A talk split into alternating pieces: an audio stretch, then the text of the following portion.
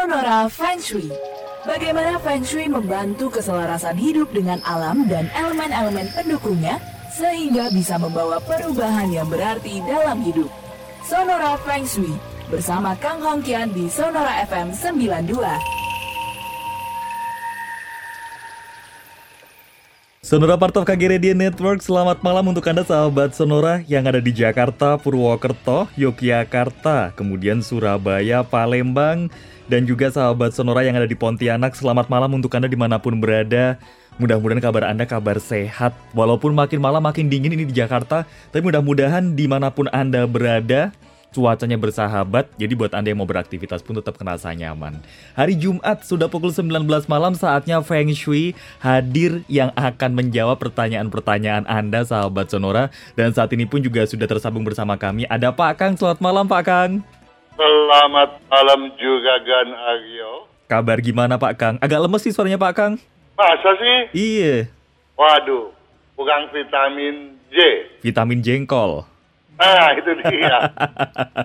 Ke kebun dulu deh Pak, nanti cari jengkol. itu kalau yang muda dilalap, yang tua disemur, ya nggak? Waduh, itu bukan lagi. Ditepung enak gak Pak? Kenapa? Di- Ditepung enak nggak? Ya, apa sih nggak enaknya kalau buat jengkol?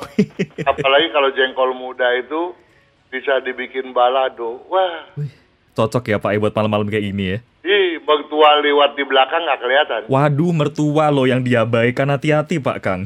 Ya, kan lewatnya di belakang. oh iya, kalau depan baru disapa ya. Asal jangan dikasih jengkol juga Pak, ntar nggak kebagian. Pak Kang sehat ya? Begitulah, ya selalu always. Soalnya never tidak pernah ya. Begitulah. Begitulah. Di YouTube lagi rame apa nih Pak Kang? Eh, Rame sih enggak, ya. Kalau dibilang enggak juga rame. Balik-balik aja terus Pak sampai jam 8. Kurang vitamin J begitu. Tapi ada satu hal yang saya mau angkat nih. Ini dari Mbi Karduluk. Mm-mm. Dia mengupload pertanyaannya pada video keselarasan feng shui bagi Xiao Chiong. Dia bilang begini nih, dia eh, kelihatannya kirim dua eh, WA yang berkelanjutan, dua komen yang berkelanjutan maksud saya. Mm-mm. yang pertama dia bilang begini, kalau rumah dinding bambu, ya dinding bambu kan bisa bilik, bisa bide, itu biasanya begitu toh. Mm-mm. Kalau rumah itu e, berdinding bambu, Pak Kang, kan ada celah. Apa Betul. itu yang nggak peretak? Nah, kita pernah berbicara masalah keretakan pada dinding, Mm-mm. bisa berdampak buruk karena dinding yang celah, apalagi belahannya besar, itu akan dikhawatirkan menimbulkan energi negatif. Gelombang energinya menjadi tidak beraturan di dalam rumah. Hmm, oke oke. Kebetul, kemudian dia be- eh, be- melanjutkannya lagi. Kami kebetulan sekeluarga dominannya air, dia bilang. Mm-mm. Kurang elemen api. Jadi kami berasumsi rumah dominan kayu cocok. Mohon koreksinya Pak Kang. Mm-mm. Nah, yang kedua dia tulis, saya Ramli. Lahirnya tanggal 17 bulan 7 tahun 1984, jam 4.20. Mm-mm. Di tanggal 2 bulan 5 tahun 82, Mm. jam 5.30. Putrinya lahir tanggal 22 bulan 10 tahun 2009, jam 7.05 pagi. Kami, katanya, rencananya tahun depan Hmm. akan bangun sekaligus pindah rumah dengan konsep full batang bambu. Dinding dan dinding dari bambu belah dua. Batang berdiri, atap kerucut model piramid, Mm-mm. hadap ke timur, pintu hadap timur laut. Kalau ada kesalahan fatalis, kami mohon koreksinya Pak Kang. Mm-mm. Terima kasih. Kalau aman sih cukup like saja dia bilang. Oke. Nyimak Pak Kang sejak zaman Bang Sandi Nayuan. Begini juga Ganagio. Mm-mm. Ini kalau kita bicara konsep rumah full batang bambu. Ya biasanya bambu kalau dipasang kan dia mesti ada jarak satu sama lain. Betul. Kalau dibikin bilik atau bide dia mesti banyak bolong-bolongnya, lubang-lubangnya. Mm-mm. Tapi kalau bambu dibelah dua, terus dipasang secara vertikal, dia tidak menjelaskan pasangnya seperti apa. Apa dideret-deret, apakah ditangkup, saling menangkup. Ya, kalau saling menangkup, tentu bagian lancipnya jadi hilang juga kan. Heeh. Tapi kalau enggak, dia akan banyak sudut-sudut lancip tuh juga kan. Ya, jadi hal semacam itu yang patut diwaspadai oleh Ramli. Kalau memang itu merupakan bilik atau bide, Mm-mm. lubang-lubangnya kan kita bisa tutup dengan menempelkan kertas. Zaman dulu kan seperti itu ya. Mm-mm. Mm-mm. Dulu kita nggak cat dengan cat eh, tembok seperti sekarang ini. Jadi kita catnya dengan kapur atau dengan alkarim gitu kan. Jadi tolong kalau itu dipasang berdiri, janganlah kemudian menimbulkan sudut-sudut lancip yang akan juga memancarkan energi negatif. Kemudian atap rumah kerucut bagaikan piramida. Nah kalau piramida dalam feng shui, Hmm. sahabat sonora eh, patut mencatat sudut eh, atap yang berbentuk piramida itu disebut juga adalah atap berbentuk api. Ya, jadi harus diingat dulu itu. Mm-mm. Mm-mm. Kemudian hadap kedudukan rumahnya tadi sudah disampaikan. Ada. Nah kalau kita bicara dia mengikuti acara, jadi saya teringat nih juga Ganario. Mm-mm. Dulu saya sering kali ketika di Metro TV itu bersama Sandi Nayawan di tahun 2000-an ya, juga dengan Nurul Alkifin, Novita Enji. Kemudian di SCTV Dian dengan Dian Itami, di TVRI Bani Ratmilia, dan kalau sebelumnya di TPI dengan Anton Indra Jaya almarhum, di RCTI dengan Ebet Kadarusman almarhum. Tentunya dalam kesempatan ini izinkan saya untuk berterima kasih kepada mereka Mm-mm. dengan setia dan bagus eh, dalam membawa acara saya. Seperti juga Anda sekarang ini membawakan acara saya dengan baik pula. Terima kasih Pak Kang. Nah, kita lanjut lagi ya. Lanjut. Kemudian kita lihat dari eh, komposisinya. Mm-mm. Dia bilang tadi rumahnya menghadap ke timur. Rumah menghadap ke timur bagus dan cocok untuk Ramli. Ya. Eh, kemudian kita lihat bagaimana dia mau membuat atap piramid. Boleh tidak sih? Kita lihat tadi dia mengatakan di awal bahwa dia dominannya air Mm-mm. elemen api. Ya kalau dibilang dominannya air ada, tetapi dia lebih dominan lagi pada unsur kayu. Ya, sehingga kalau dia membentuk eh, atap rumahnya dengan piramida, Mm-mm. kita khawatir kayunya akan terbakar. Kan Oh. tadi sudah dijelaskan bahwa atap piramida itu adalah bentukan api. Api. Gitu ya. Heeh. Eh, jadi tolong kalau bisa bentukannya justru yang tidak beraturan juga Aryo. Nah kalau ju- eh, bentuk tidak beraturan itu apa sih artinya? Mm-mm. Bentukan berunsur air. Sehingga terhadap air yang dia katakan tadi tidak ada konflik, artinya berkeselarasan, dan terhadap unsur kayunya yang juga dominan, unsur kayu tadi akan terbawa naik. Sehingga dengan demikian dia akan menemukan eh, keberuntungannya jauh lebih gampang. Ya, jadi ini yang tolong dipahami benar. Mm-mm. Nah, kemudian dia mengatakan mau menghadapkan pintu rumahnya ke timur laut. Nah, kalau bicara timur laut, kita bicara posisi daripada sio masing-masing. Mm-mm. Ya, sedangkan sionya juga Gan Ramli adalah sio tikus. Ya, Oke. saja tikus ada di posisi eh, 0 derajat atau 360 Mm-mm. ya. Mm-mm. Eh, Dan kemudian sahabatnya daripada tikus ada di 120 ya dan ada di 240. Nah, jadi kalau dia mau mengarahkan ke timur laut, saya perlu bertanya lagi, kenapa ke arah sana yang dia kehendaki? Mm-mm. Nah, berarti Ramli harus peduli benar dengan dua hal. Yang pertama adalah arah di mana arah maksud saya di mana posisi pertigaan atau perempatan jalan. Mm-mm. Kita sebaiknya tidak membelakangi pertigaan tersebut. Dan di mana pula posisi air riol di luar Hmm. dan ke mana aliran airnya. Kemarin kita sudah bicara bahwa aliran air janganlah kemudian kita kondisikan seolah-olah menjauh. Nah kalau pintu tadi diarahkan ke timur laut, ya, padahal rumah dia menghadap ke timur. Mm-mm.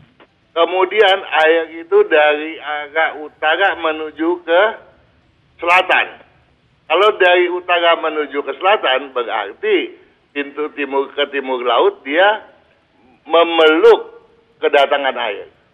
Tetapi kalau air itu bergerak sebaliknya dari selatan ke utara, Mm-mm. nah, air seolah-olah menjauh dan ini tentunya tidak baik, ya. Mm-mm. Jadi hal-hal semacam itulah yang seyogianya dipedulikan benar oleh Juragan Ramli dan juga oleh sahabat Sonora yang hendak mengondisikan arah pintu. Jadi biar nggak menjauhi rezeki juga ya Pak ya.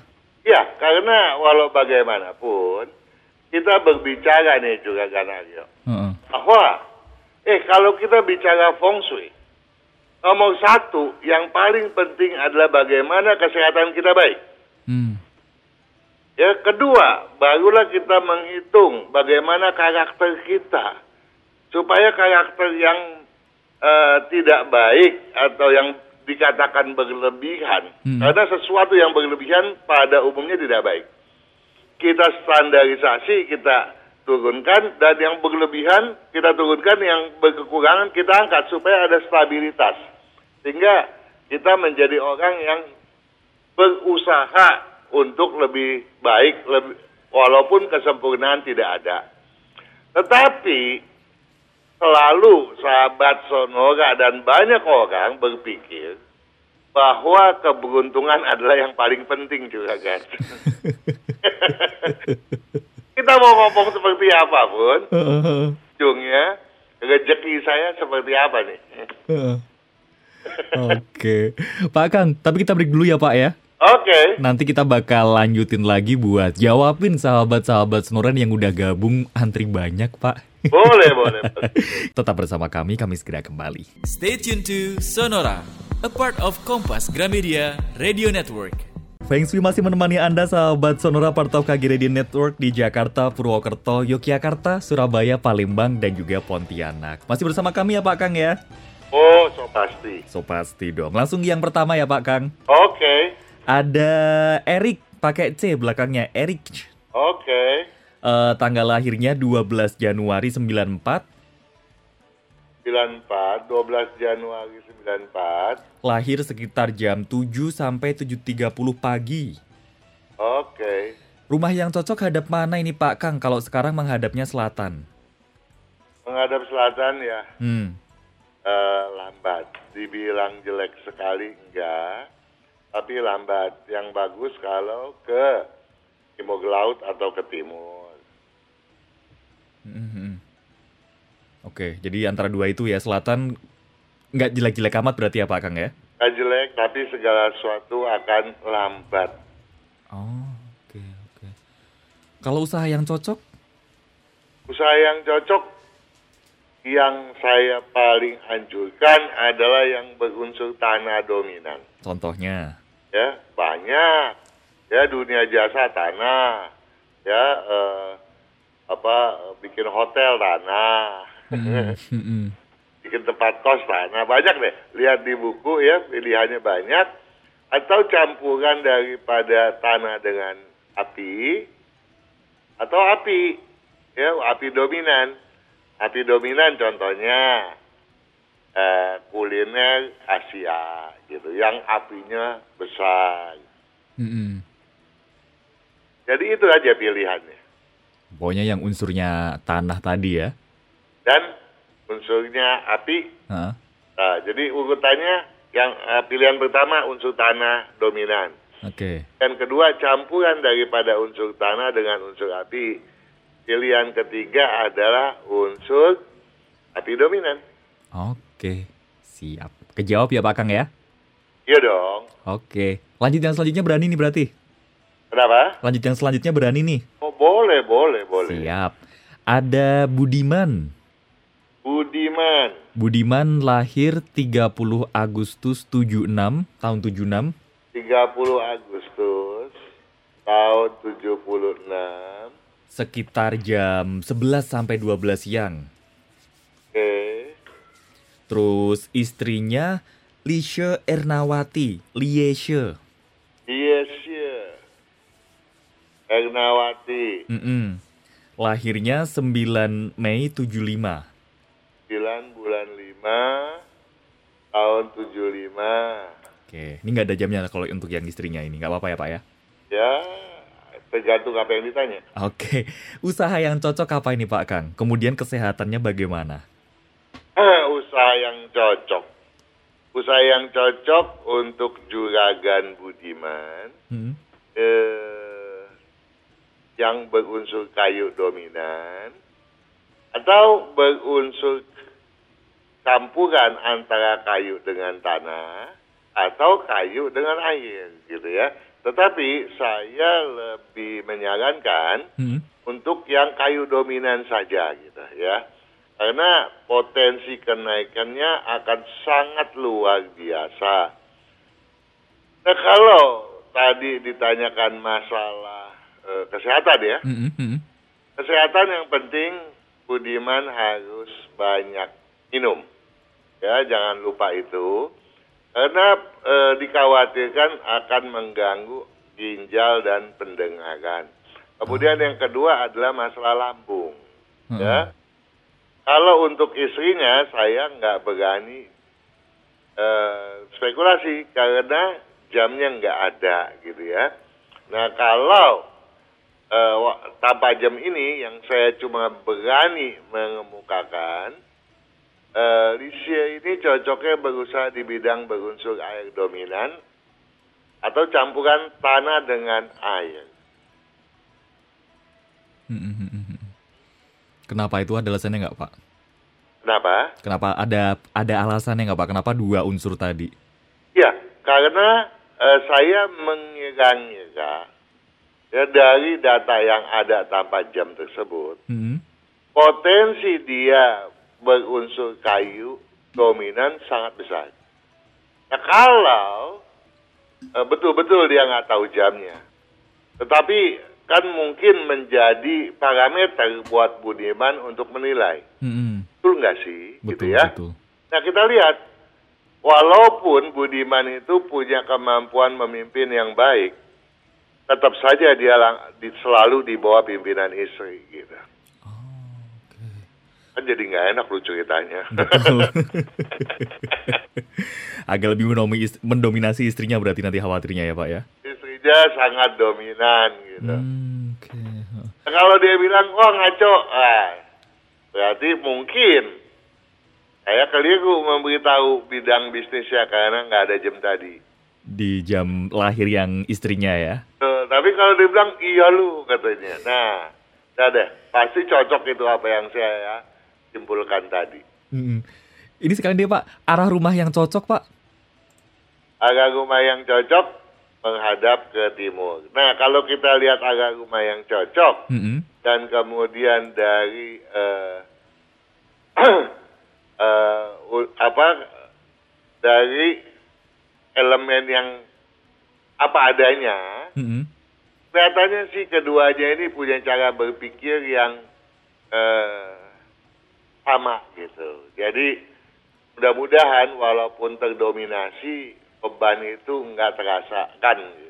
Hmm, oke oke. Amin ini. Terima kasih sudah oh, sudah merespon udah ini. Katanya bener Pak Kang istri lebih dominan gitu. Berarti silakan kalau mau bisnis di unsur air dominan Heeh.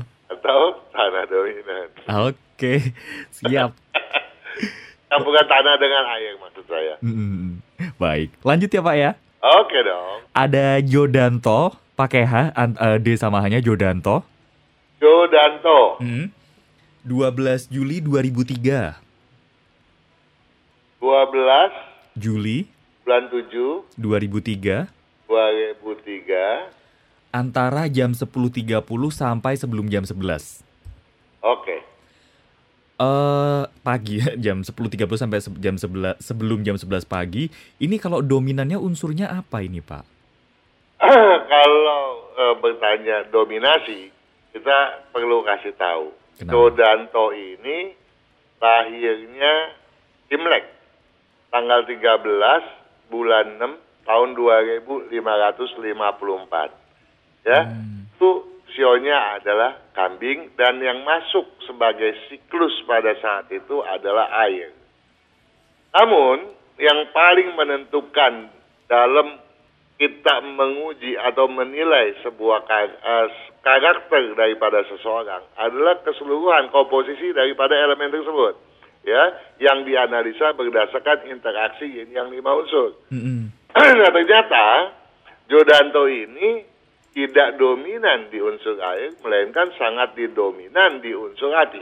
Mm-mm. Sehingga tidak mengherankan kalau bawaan emosinya itu cepat sekali meningkat, tetapi juga gerakan refleksnya juga cepat. Dalam artian, dia bukan seorang yang pemalas. Bahkan, dominasi kedua adalah unsur tanah. Hingga dia pun sangat disiplin.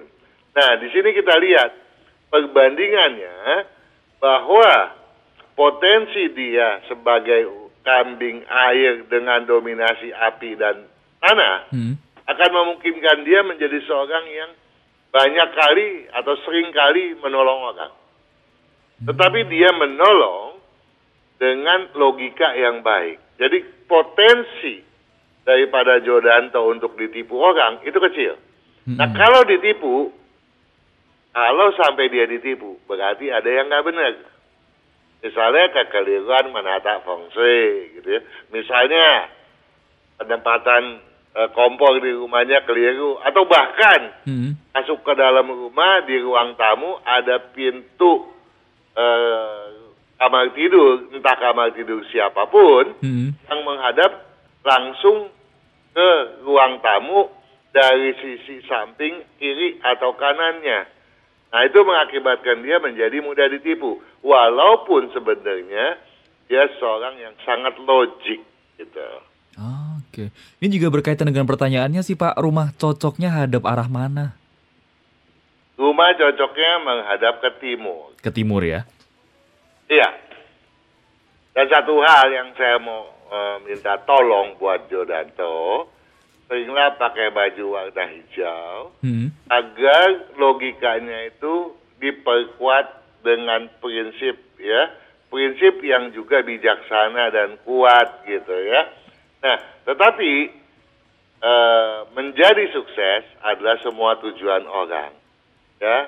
Untuk menjadi sukses yang menjadi obsesi, kalau kemudian banyak penyakit kan nggak ada guna ya. Betul, betul. Nah, hobinya Jodanto lebih banyak makan daging bakar daripada sayur. Sama kayak saya by the way, Pak. Jadi tolong dikurangi juga rasa manisnya dia juga hobi banget walaupun dia nggak khawatir dengan eh, rasa eh, pahit ya. Hmm. Hobi manisnya juga harus dipedulikan benar untuk dikurangi. Oke. Pak Kang, nanti lanjut lagi sesi selanjutnya ya. Oke. Kita break dulu. Stay tuned to Sonora, a part of Kompas Gramedia Radio Network. Feng Shui masih menemani Anda sahabat Sonora dan tentunya masih bersama Pak Kang ya Pak ya. Oh, so pasti dong. Sesi ketiga masih bakal jawabin sahabat Sonora. Ini antriannya banyak banget sebetulnya, Pak. Langsung satu-satu lagi lah ya, Pak ya. Oke. Lanjut, ini ada sebentar. Ini saya tuh kayak undian loh, Pak. Jadi mana ini? Eh, kita ke ini deh, Pak Kang. Ada Benny, Denny. BNNY. Oke. Di tanggal 26 Desember tahun 88 2612 1988 jam 8 lewat 15 pagi. Jam 8 lewat 15. Mm-mm. Hah? Bidang yang cocok apa ini Pak Kang? Saat ini lagi di IT komputer analisis kesehatan. Ini gimana? Nggak usah ngomong lagi deh. Lah gimana Pak? Cocok ya berarti ya? Uh, luar biasa. Berarti cocok sama unsurnya juga dong. ya, cocok dong. Hmm, unsurnya apa sih Pak ini? Cuma satu hal. Apa? Denny ini suka kehilangan semangat gitu. Hmm, oke. Penting, kalau Benny obsesinya mau jadi orang besar, Hmm, maju dan peluang itu ada, maka semangatnya yang perlu dimotivasi. Memang tanggung jawab dia tuh besar. hmm, Dan eh, juga kecocokannya daripada kerja, mendingan dia bisnis sendiri gitu. Apalagi, ya ini orangnya ya kalau udah lagi kerja, hmm. boleh dibilang nyaris perfeksionis. Jadi Ya. kan banyak orang jadi klien nanti yang senang dong ya. Heeh. Iya, tapi jangan memperlakukan karyawan nantinya keterlaluan lah. Kalau orang terlalu perfeksionis kesian. Kalau dia hanya kepada pekerjaan dan hasil daripada kreativitas mungkin nggak apa-apa. Tapi kalau kemudian nantinya dia kepengennya apa segala sesuatu perfect, rep, Hmm, hmm. lantai kejatuhan eh, air sedikit ngambek misalnya ini cuma contoh aja. Heeh. itu kan akhirnya jadi masalah gitu kan dan satu hal juga eh ambisinya lemah jadi saya mau minta tolong eh, Benny ini sering pakai bendera deh Pakai bendera. ya keadaan putih kan soalnya ya, dia cocoknya pakai baju warna putih dan merah Oh, alah. Saya pikir pakai kain ini, apa namanya? Yang seneng pakai serba putih gitu, enggak ya? Ya enggak, dia nggak suka. Sebetulnya apa yang saya minta itu nggak suka. Lah, tapi cocoknya pakai baju warna putih. Eh, saya minta eh, se- eh, seorang Hmm? untuk menggunakan warna yang paling dia nggak sukai sebetulnya. Oh gitu. Kenapa? Kenapa, Pak? Karena di otaknya, di dalam benaknya, Hmm. selalu apa yang dia kepingin. Misalnya dia tuh orangnya terlalu, dia kedisiplinnya nanya tinggi. Hmm. maunya diam gitu ya. Dan dia tuh eh, kalau misalnya dia tuh masih lajang, kesian pacar nih. Hmm. Misalnya eh, kepengennya dia diam di tempat, tuh jangan jarang ngajak jalan-jalan. Itu bisa terjadi seperti itu gitu. Ya. Nah, oleh sebab itu dia paling suka akan warna kuning, ya, Hmm. oranye gitu. Itu jadi ke- kebawa dengan apa kebiasaan dia dengan apa yang diwakili oleh warna tadi. Dan dia nggak punya ambisi. Dan ambisi itu warnanya putih. Hmm. Jadi saya minta tolong dia pakai putih. Kenapa? Supaya nanti putih itu merekam ke dalam benaknya dan dia tumbuh ke, eh, ke ambisiannya tadi Hmm. lama-lama menjadi biasa. Ya karena setiap orang kan bisa berubah. Mm-mm. Nggak mesti bahwa karakter yang dibawa lahir itu selamanya seperti itu toh. Hmm. Betul. Kan harus bisa berubah. Nah, dia eh, energinya sering kali lepas dan malas gitu toh. Hmm. Hmm.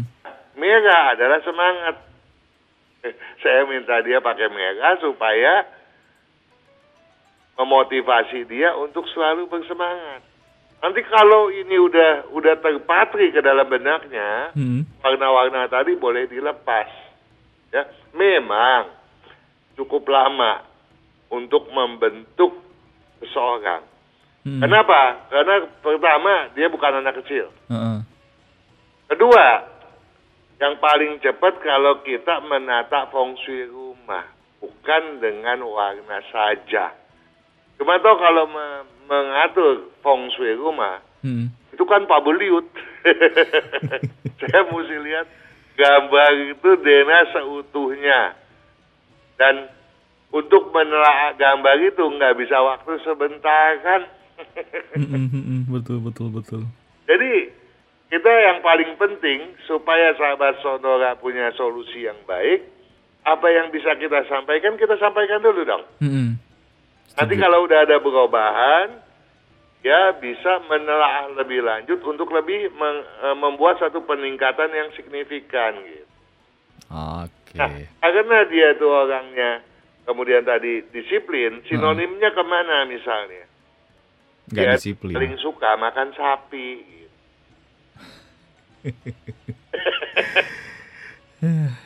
Jadi jangan pikir Heeh. saya punya eh, indera ke 10 bisa tahu orang doyannya apa. Itu Tapi semua ada ada hitungannya. Namun bukan berarti peng- eh, keluarga tidak berpengaruh gitu ya.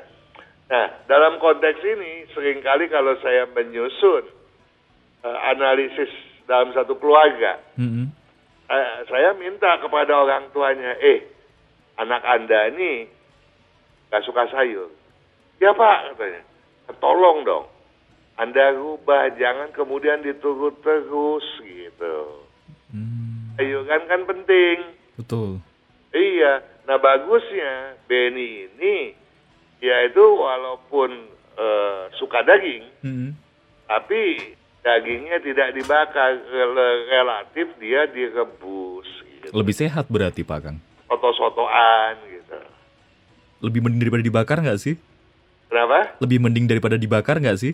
Lebih mending dong. Kalau bakar kan dia eh, ada apa ya abu apa tuh namanya saya nggak ngerti lah. Ah, Pembakaran itu katanya mengeluarkan apa gitu. Hmm, Oke, oke. Ya tentu eh, menjadi kurang baik. Oke Pak Kang.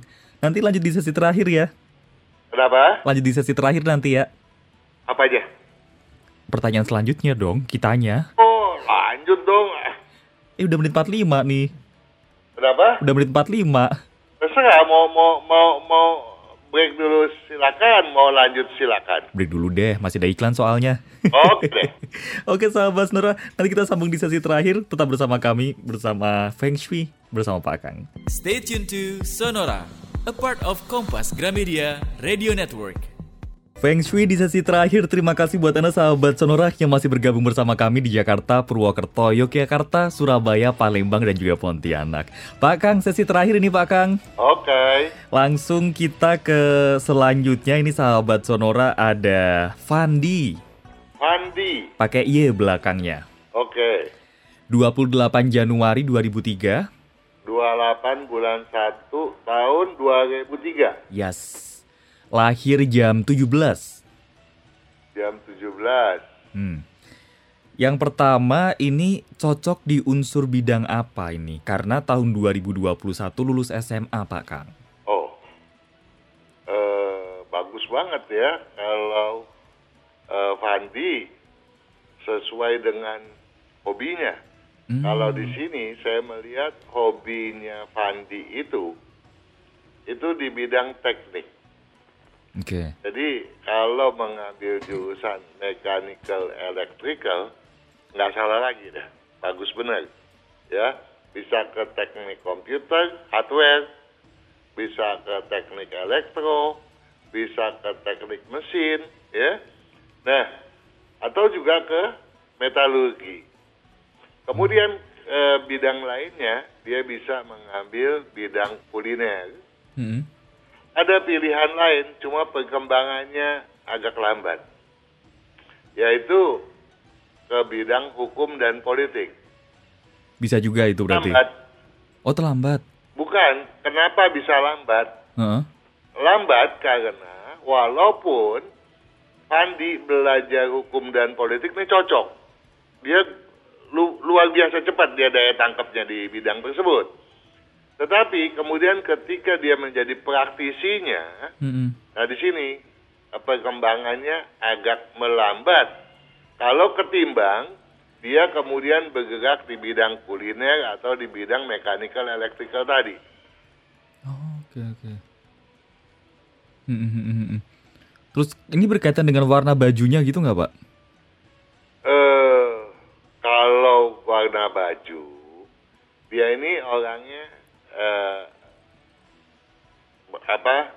Yang saya khawatir gampang tersinggung, sensitif. Tapi sisi baiknya dia ini orang yang eh, banyak kreativitasnya, Mm. ba- eh, banyak bisa menelurkan inovasi, seninya juga tinggi. Tapi sayangnya dia tidak cocok memasuki dunia seni. Nah, walaupun dia hobi seni, Heeh. tapi jangan ke bi- bisnis ke bidang seni, ya.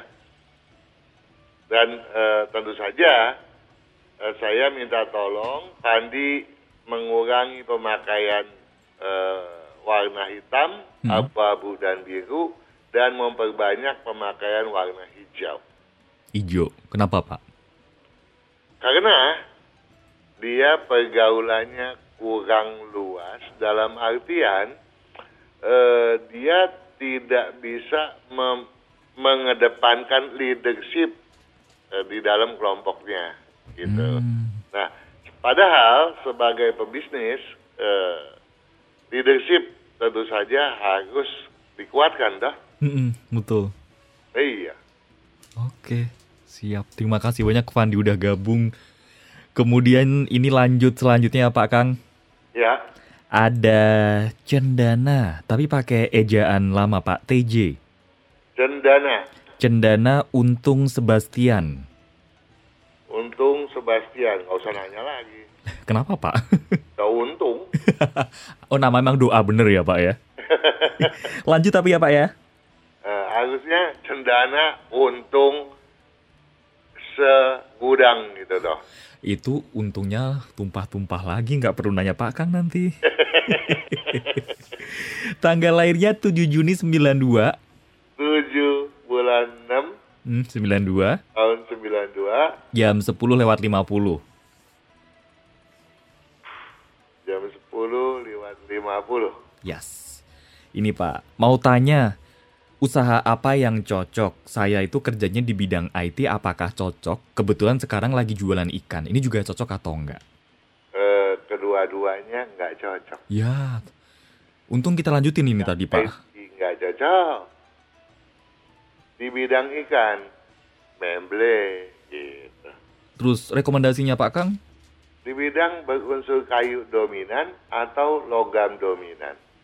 Walaupun dia cocok di bidang campuran antara unsur, eh, unsur logam dengan api, Hmm, hmm. tapi karena perkembangannya lambat, tidak saya sarankan. Yang perkembangannya cepat adalah di bidang berunsur logam dominan hmm. ataupun kayu dominan. Oke. Itu. Berarti yang dua tadi nggak cocok sama sekali ya Pak ya sebetulnya ya? Enggak, ya.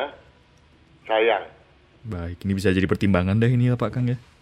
Iya, jadi tolong kalau bisa diatur dan tahun ini adalah tahun yang bagus.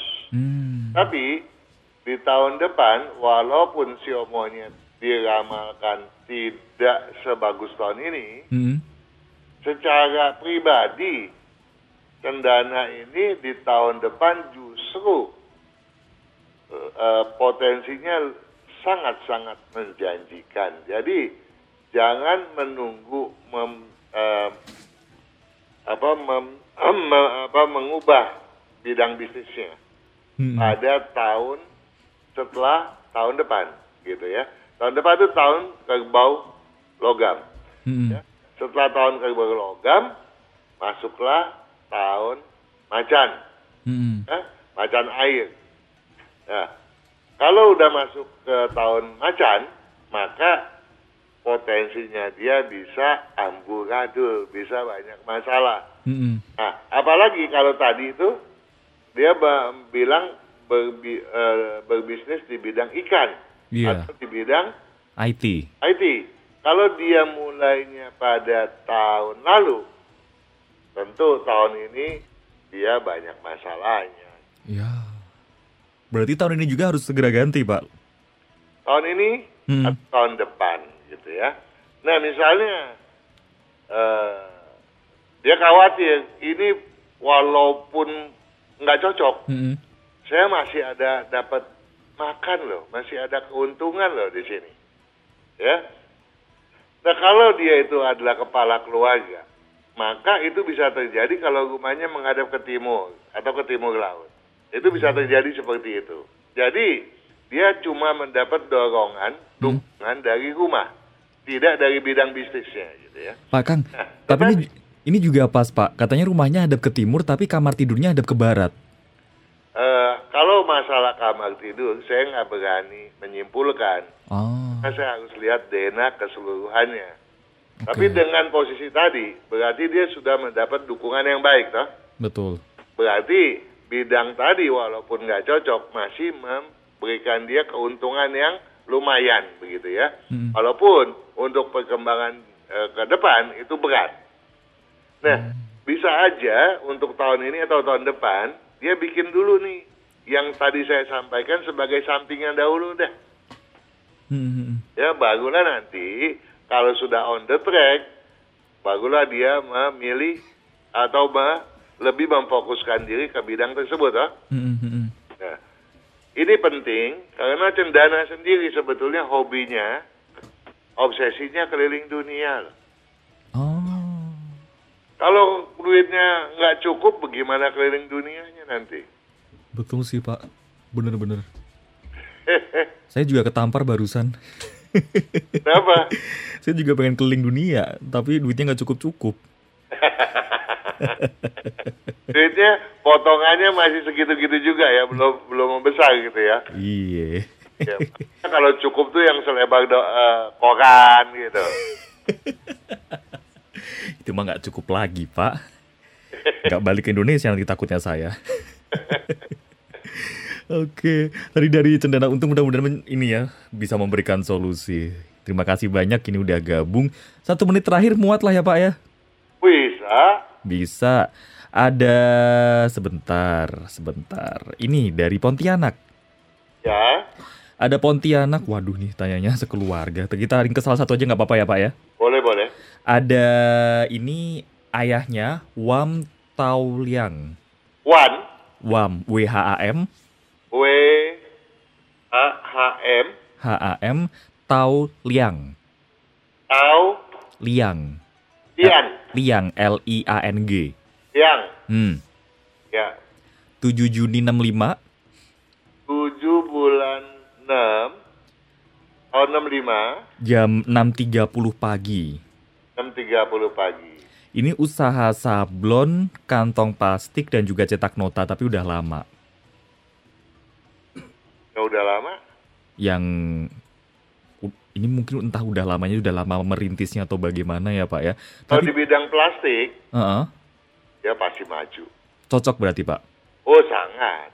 Hmm, oke. Di- Dia kalau eh, nyablon tadi ke yang plastik atau juga di bidang kertas, di bidang percetakannya, Hmm, walaupun nanti dia mau mengembangkan ke bidang offset kertas, hmm, ya juga cocok. hmm. Oke. Ya, dan kemampuan bisnisnya memang besar, tajir. Cuma yang jadi masalah itu Hmm, ambisinya lemah. Jadi keyakinan dia untuk luar, menjadi luar biasa itu tidak ditanamkan ke dalam benak. hmm. Padahal benak kita ini itu lebih hebat daripada seribu komputer yang paling canggih. Hmm, Kalau salah satu komputer kita bilang 5 kali 5 dia jawab 25. Ya, berarti apa yang kita input itu yang akan dia jawab dah. hmm, Nah, kalau kita menginputnya eh, tidak berani untuk menjadi seorang yang besar, Hmm. yang akan pernah terjadi. Oke, betul betul betul betul. Juragan Aliang ini keberaniannya untuk meng- membayangkan kemajuan itu nggak ada gitu. Oh, Ya, jadi ini yang harus dicamkan kalau memang ingin maju dan potensinya masih sangat besar. hmm, Oh masih sangat muda gitu kan. hmm. Ya, jadi seringlah pakai baju warna putih. Nah, walaupun begitu, saya mau minta tolong. Kalau tadi siapa itu eh, hobinya makan daging rebusan, hmm. ini daging bakar nih. Yang ini malah daging bakar. Iya, makanya saya minta tolong juga Gan Aliang, Hmm. kalau bisa dikurangi atau lebih banyak ya cair deh, ya Oke. banyak mengonsumsi sayuran. Mudah-mudahan udah seperti itu. Hmm. Eh, kalau enggak, tentu banyak sakit penyakit yang dikhawatirkan, gitu ya. Hmm. Tapi ya kalau perlu juga, eh, ya kan udah kepala lima, sebentar lagi kepala enam. Hmm. Tolong tanya ahli gizi, tanya dokter, ya, karena tulangnya kurang baik, ya, sandinya, ya, kemudian kerongkong, paru, dan dia gampang masuk angin, ya. Tolong ini dijaga betul. Baik. Pak Kang, terima kasih banyak ya waktunya malam hari ini. Sama-sama juga Gan Aryo, ya, sukses selalu untuk Anda. Amin. Sukses kepada sahabat di studio semuanya. Amin. Terlebih juga sukses kepada sahabat Sonora di belahan bumi mana pun. Terima kasih banyak. Sukses terus Pak Kang. Ketemu lagi minggu depan ya Pak Kang ya. Sama-sama juga kan, sukses selalu dan selamat malam. Selamat malam. Kita ketemu lagi minggu depan sahabat Sonora. Terima kasih banyak dan selamat malam.